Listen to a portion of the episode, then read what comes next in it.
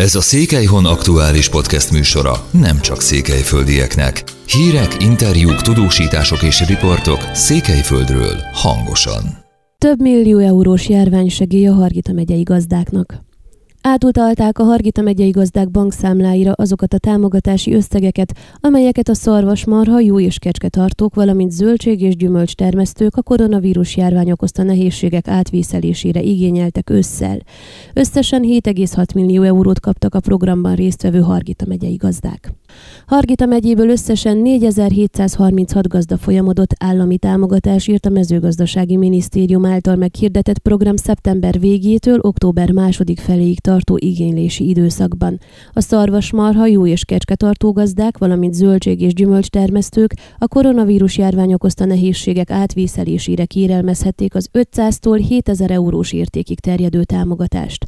Amint arról Haszki András, a Hargita megyei mezőgazdasági intervenciós és kifizetési ügynökség vezetője lapunkat tájékoztatta, a nagy gazdaságokat fenntartó támogatásigénylők juttatásai érkeztek meg először, majd december utolsó két napján a kisebb gazdaságokat jogokat fenntartók juttatásait is átutalták az államkincstárnak, amely folyósította a pénzeket a gazdák számláit kezelő kereskedelmi bankokba. Kedden az utolsó támogatásigénylők is megkapták a pénzt. A mezőgazdasági járványsegélyek összértéke eléri a 7,6 millió eurót Hargita megye esetében. A szarvasmarhák után kapott támogatás esetében országszerte a Hargita megyei gazdák vannak a legtöbben, és ide érkezik emiatt a legtöbb pénz. Országszerte elsők vagyunk ezen a téren, hangsúlyozta Haszki András juttatás.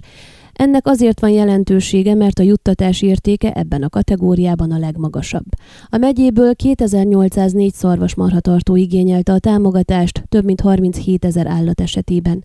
A legkevesebb 5 szarvasmarhával rendelkező állattartók, attól függően, hogy hány állatuk van, 1000-től 7000 eurós értékig terjedő támogatást kaptak. A jó és kecsketartók legalább 50 állattal kellett rendelkezzenek ahhoz, hogy igényelhessék a támogatást, amelynek értéke 500-tól 2500 euróig terjed az állatok számától függően. Ebben a kategóriában Hargita megyéből 590-en kérelmezték a juttatást, összesen 93 ezer állatra.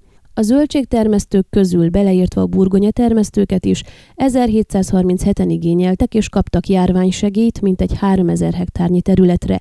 Esetükben a támogatás értéke legkevesebb 700 euró, de a megművelt föld méretétől függően elérhette az 5000 eurót is. A Hargita megyei ápia munkatársai korábban adminisztratív ellenőrzéseket végezve megvizsgálták az igénylési dosszékban mellékel dokumentumokat, és mindent rendben találtak, tehát minden igénylő megkaphat megkapta a támogatást. A pénzek elköltését illetően nincsenek megkötések, minden gazda arra fordíthatja a kapott összeget, amire akarja, mondta el kérdésünkre a megyei mezőgazdasági intervenciós és kifizetési ügynökség vezetője.